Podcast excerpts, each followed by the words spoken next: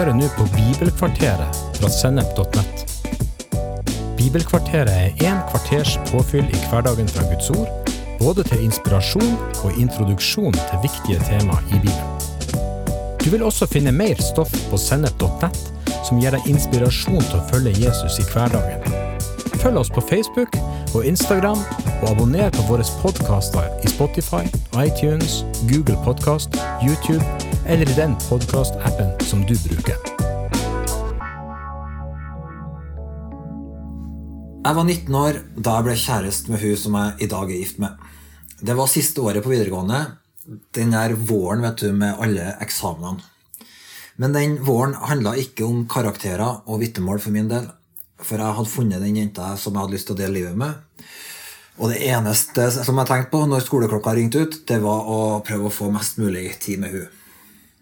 Enda i dag, da, nesten 20 år senere, så er det på samme måte for meg. Når eh, kona mi er i nærheten, da er livet godt. Og når vi er borte fra hverandre, så er det noen ting som mangler. I dette bibelkvarteret så skal vi se på en troshelt som hadde litt sånn på samme måte med Gud. Han het Enok, og vi finner han først beskrevet i en slektstavle i første Mosebok, kapittel 5, hvor det står følgende Da Jared var 162 år, fikk han sønnen Enok. Da Enok var 65 år, fikk han sønnen Metushala. Enok vandra med Gud i 300 år etter at han hadde fått Metushala, og han fikk sønner og døtre. Hele Enoks levetid ble 365 år. Enok vandra med Gud, så var han ikke mer, for Gud tok han til seg. Slektstavla det kan være veldig kjedelig lesning. Det er ikke veldig mye informasjon som denne teksten gir oss.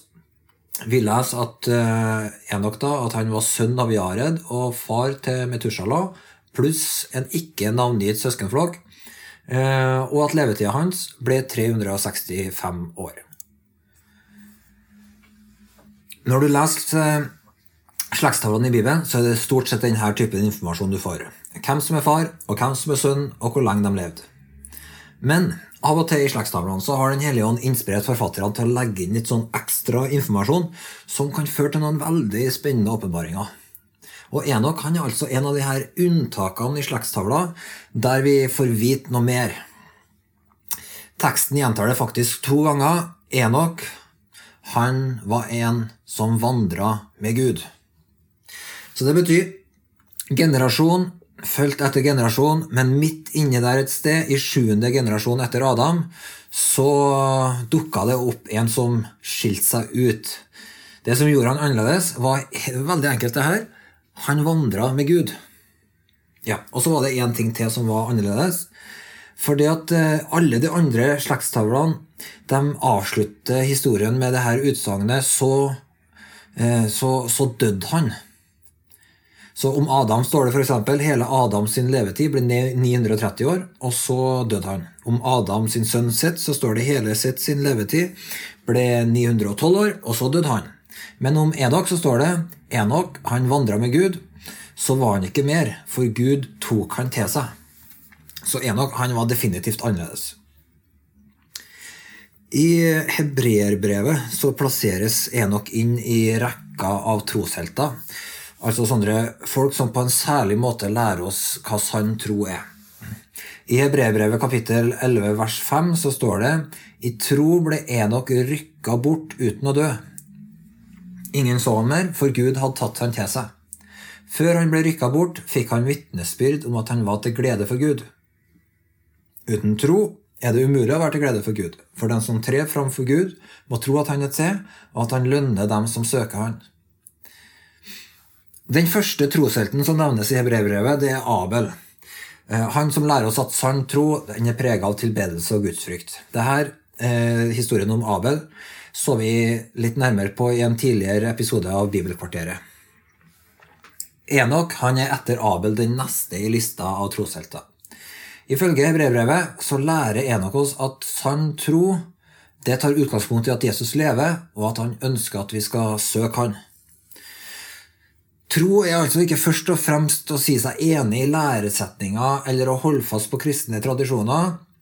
Nei, troa den er først og fremst eh, noe som fører oss inn i en relasjon med Gud. Så Jesus han lever, og gjennom Den hellige ånd kan vi erfare hans nærvær her og nå. Av og til så kan man få opplevelse av at det å være på en kristen samling kan være litt som et sånt minnesamvær, der hovedpersonen er død, og så liksom der alle nære og kjære kommer sammen og deler historier og minner. Og Det kan være sånn liksom fortellinger om Jesus som var barnet i krybben, og vi forteller de her historiene om barnet i krybben og tømmermannen fra Nasaret uten å forholde oss til det at Jesus lever i dag, og at Ånden er her, og at vi kan ha fellesskap med Han her og nå.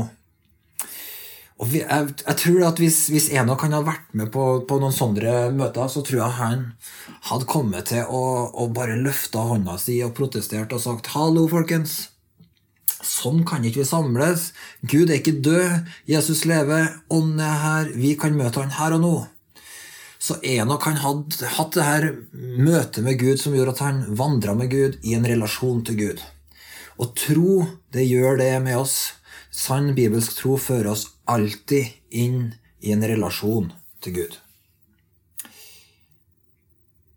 Når vi leser om Enok i hebreerbrevet, så finner vi også at det understrekes at han levde til glede for Gud. Før Gud tok Enok til seg, så satte Gud tydelig navn på at Enok var til behag for han. Vennskapet med Gud prega livet til Enok. Vennskapet med Gud det gjorde at, eh, at han Enok ønska å leve til Guds ære. Enok han, han, han tjente en levende Gud. Han levde som Guds venn, og han levde sånn at Gud gleda seg over livet hans. Og som en sånn respons da på, på Enok sin lengsel etter, å, etter Gud, så, så henta Gud han hjem til seg. Så, så, det var en sånn gjensidighet her. Enok han ble rykka bort og tatt enda dypere inn i det nære fellesskapet med Gud, som han allerede har lengta sånn etter. Det står ikke så mye mer i Bibelen om Enok enn de her to bibelstedene som vi har lest nå. Men faktisk i Bibelen sin nest siste bok, i Judas brev, så finner vi en avskrift av et profetisk budskap som Enok eh, formidla. Vi må ta en litt nærmere kikk på det her profetiske budskapet. Men før vi ser på, på profetien, så kan det være nyttig å ha et litt sånt bilde av hva slags omgivelser det var Enok levde i. For Enok han ble født i sjuende generasjon etter Adam. Og du vet, Adam han hadde jo flere sønner, og Enok han var i slektslinja til Adam sin sønn Sett. Og han her Sett da, han var den sønnen som Adam og Eva fikk etter at Kain tok livet av Abel. For de første to sønnene til Adam og Eva det var Kain og Abel. Og du kan jo se for deg den situasjonen når Adam og Eva har to sønner, og den ene sønnen tar livet av den andre. Så mister du ikke bare han som dør, men på en måte så mister du begge to. Fordi at når Kain hadde tatt livet av Abel, så, så står det om ham at han, han flykta bort, han ble en fredløs, og osv.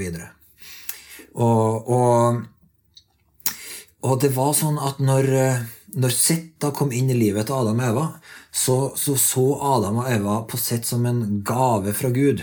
De, det, de, har fått en gave, de har fått en ny begynnelse etter at Kain hadde tatt uh, livet av Abel.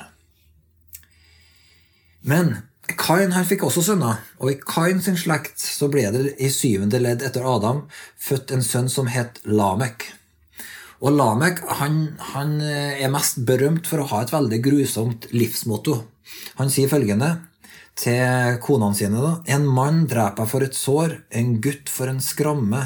Kain han skal hevnes sju ganger, men Lamek 77 ganger. Det her eh, mottoet som eh, velger å kalle det, det, det finner du i første Mosebok 4, kapittel, nei, vers 23 og 24. Så Lamek han, han innførte blodhevn i sin mest grufulle utgave. Lamek han snakker ikke bare om et øye for et øye eller en tann for en tann, men han sier nei, en manns liv for et sår og en Guds liv for en skramme. Så han her eh, Lamek, Lamek den grusomme, han var altså i sjuende generasjon etter Adam. Det samme var Enok. Enok kan være sønn av Adams sønn Seth. Lamek kan være sønn i, i slektslinja til Adams sønn Kain. Og så forstår vi da at det her eh, tida de levde i Når du leser beretningen i Det gamle testamentet om denne tidsperioden, så er det tydelig at denne perioden før den store vannflommen det var ei tid som var prega av urett, ondskap, hevn, utnytting, den sterkestes rett. Det var ei mørk tid. Og midt i denne perioden da, så, så var det Enok profetert og profetien hans da, den kan vi lese i Judas brev, og vers 14 og 15, hvor det står Se, Herren kommer med sine hellige engler i tusentall, for å holde dom over alle og kreve hvert menneske til regnskap for alle ugudelige gjerninger de har gjort, og for alle trassige ord de har retta mot Han, de her gudløse synderne. Så Enok han så på denne hevnkulturen som Lamek hadde etablert, og samtidig så profeterte han at Gud skulle komme med rettferdig dom. Men han snakka ikke bare om på en måte denne dommen, men han snakka om at, at den dagen hvor Gud holder dom, så kommer Herren. Så han snakka om Herren kommer. Og Herren kommer for å holde dom. Så Enok lengta etter Guds rettferdighet. Han lengta etter at Guds rike, Guds styre, skulle komme til jorda. Han lengta etter at Gud sjøl skulle komme. Og det her, det her, denne lengselen var ikke liksom bare en drøm uten rot i virkeligheten. Nei, Gud han hadde vist Enok at det her skulle skje. Han hadde kommet til med et profetisk ord, og Enok han så, kanskje han så et syn hvor han så at Gud kom til jord med engler i tusentall og holdt denne dommen over all urett. Når vi leser om Enok, så får vi opplevelse av at det er et større profetisk perspektiv over hele livet hans. Han var en rettferdig blant urettferdige. Han levde nær til Gud og lengta etter dagen for Herrens komme. Og så ble han rykka bort uten å dø så Enok kan bli stående på en måte som et forbilde på den menigheten som er på jorda den dagen Jesus kommer tilbake. Fra Enok så lærer vi at det å leve nært Gud ikke bare handler om å liksom ta vare på troa si, bare, men det handler om å leve i en innvielse for Jesus. Om å leve i en lengsel etter at han skal komme tilbake. Om å være et folk som forbereder seg og innvier seg og lever til Guds behag Og leve fram mot denne eh, høydepunktet, det her høydepunktet i historien, hvor alt skal sammenfattes i Kristus Jesus.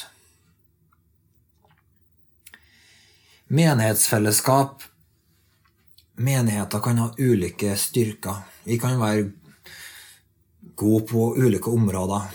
Eh, det kan være kvalitet på i samlingene på musikken, eller vi kan være gode på å drive husgrupper, eller gode på barmhjertighetsarbeid osv.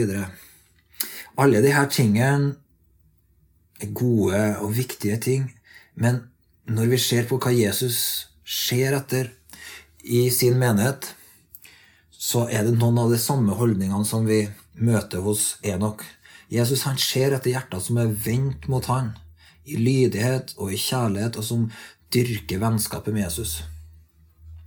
Og det her er sånne ting som, som kan være der uansett hvor eh, fin og flott på en måte en menighet er på overflata, så er det her pulsslaget av et vennskap med Jesus, det kan alltid være der. De bibelske skriftene sammenligner forholdet mellom Gud og menigheten med relasjonen som er mellom en brudgom og bruden. Dette bildet det går igjen gjennom eh, hele Det gamle testamentet eh, og i Det nye testamentet. Eh, men på en samme måte som ei jente som vokser opp og blir ei, ei, moden kvinne, og som begynner å forberede seg på bryllupsdagen sin, sånn er menigheten i en sånn prosess fram mot at Jesus skal komme tilbake. Det er en prosess av modning, innvielse og forberedelse til foreninga med Kristus når han kommer tilbake. Menigheten er kalt til nærhet med Kristus. Menigheten er kalt til innvielse for Kristus, til renhet og til troskap mot Han og mot Hans ord. Apostelen Paulus han skriver til menigheten i Korint jeg vokter dere med Guds brennende sjalusi. Jeg har lova dere bort til Kristus og bare til Han, for å føre dere til Han som en ren jomfru.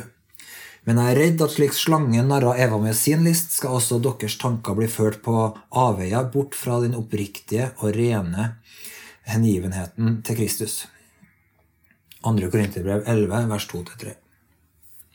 Så vi er forlova med Kristus, og vi er kalt til å leve i en oppriktig hengivenhet til Han. Tida da fram mot bryllupet handler om å være en menighet som innvier oss for Kristus, og som bevarer kjærligheten til Han. Apostelen Johannes han skriver i 1. Johannesbrev kapittel 3.: Mine kjære, nå er vi Guds barn, og det er enda ikke åpenbart hva vi skal bli, men vi vet at når Han åpenbarer seg, skal vi bli lik Han, for vi skal se Han som Han er. Enhver som har det her håpet til Han, renser seg slik Kristus er ren. Håpet om at vi en dag skal få se Jesus sånn som han er, og bli lik han, gjør at vi renser oss fra all synd og urett. Peter, Apostelen Peter skriver i sitt andre brev at menigheten gjennom å leve hellig og gudfryktig kan være med å fremskynde Herrens dag. Så når bruden er klar, så kommer Jesus tilbake. Og Klargjøringa handler om en menighet som blir moden i å gjenspeile Jesus sin karakter, som kler seg i hellighet og i rettferdighet.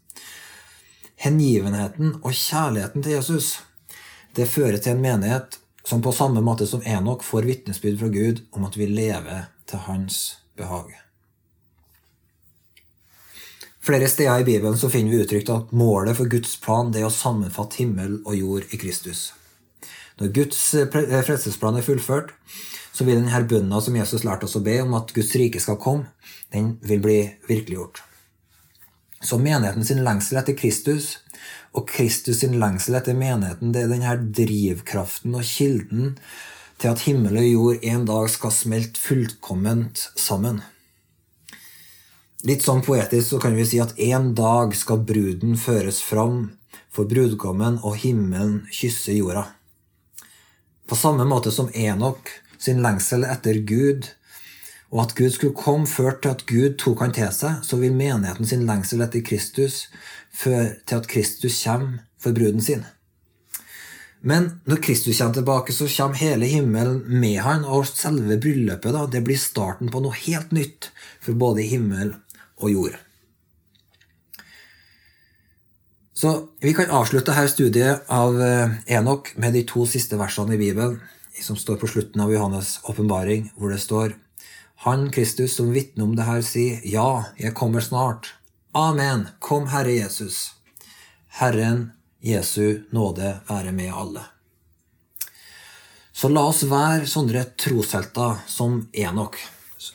Mennesker som vandrer med Gud, som innvier oss for Han. Og sånn at vi sammen med alle de troende vokser til å bli denne modne, Kristuslike menigheten som lengter etter fellesskapet med Jesus og innvier oss for Han, og på den måten er med og fremskynde Jesu gjenkomst.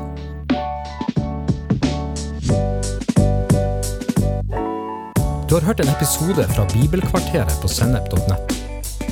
Du vil også finne mer stoff på sennep.nett som gir deg inspirasjon til å følge Jesus i hverdagen. Innholdet på Sennep er gratis og tilgjengelig for alle, takket være økonomisk støtte fra kristent nettverk, menigheter og enkeltpersoner. Du kan også hjelpe oss ved å be for oss at vi skal forkynne ordet med frimodighet, ved å dele innholdet vårt med venner og bekjente ved å rate podkastene våre på iTunes eller i podkastappen som du bruker. Eller ved å gi en engangsgave på VIPS, VIPS nummer 54 66 68. Takk for at du lytter til sennep.nett.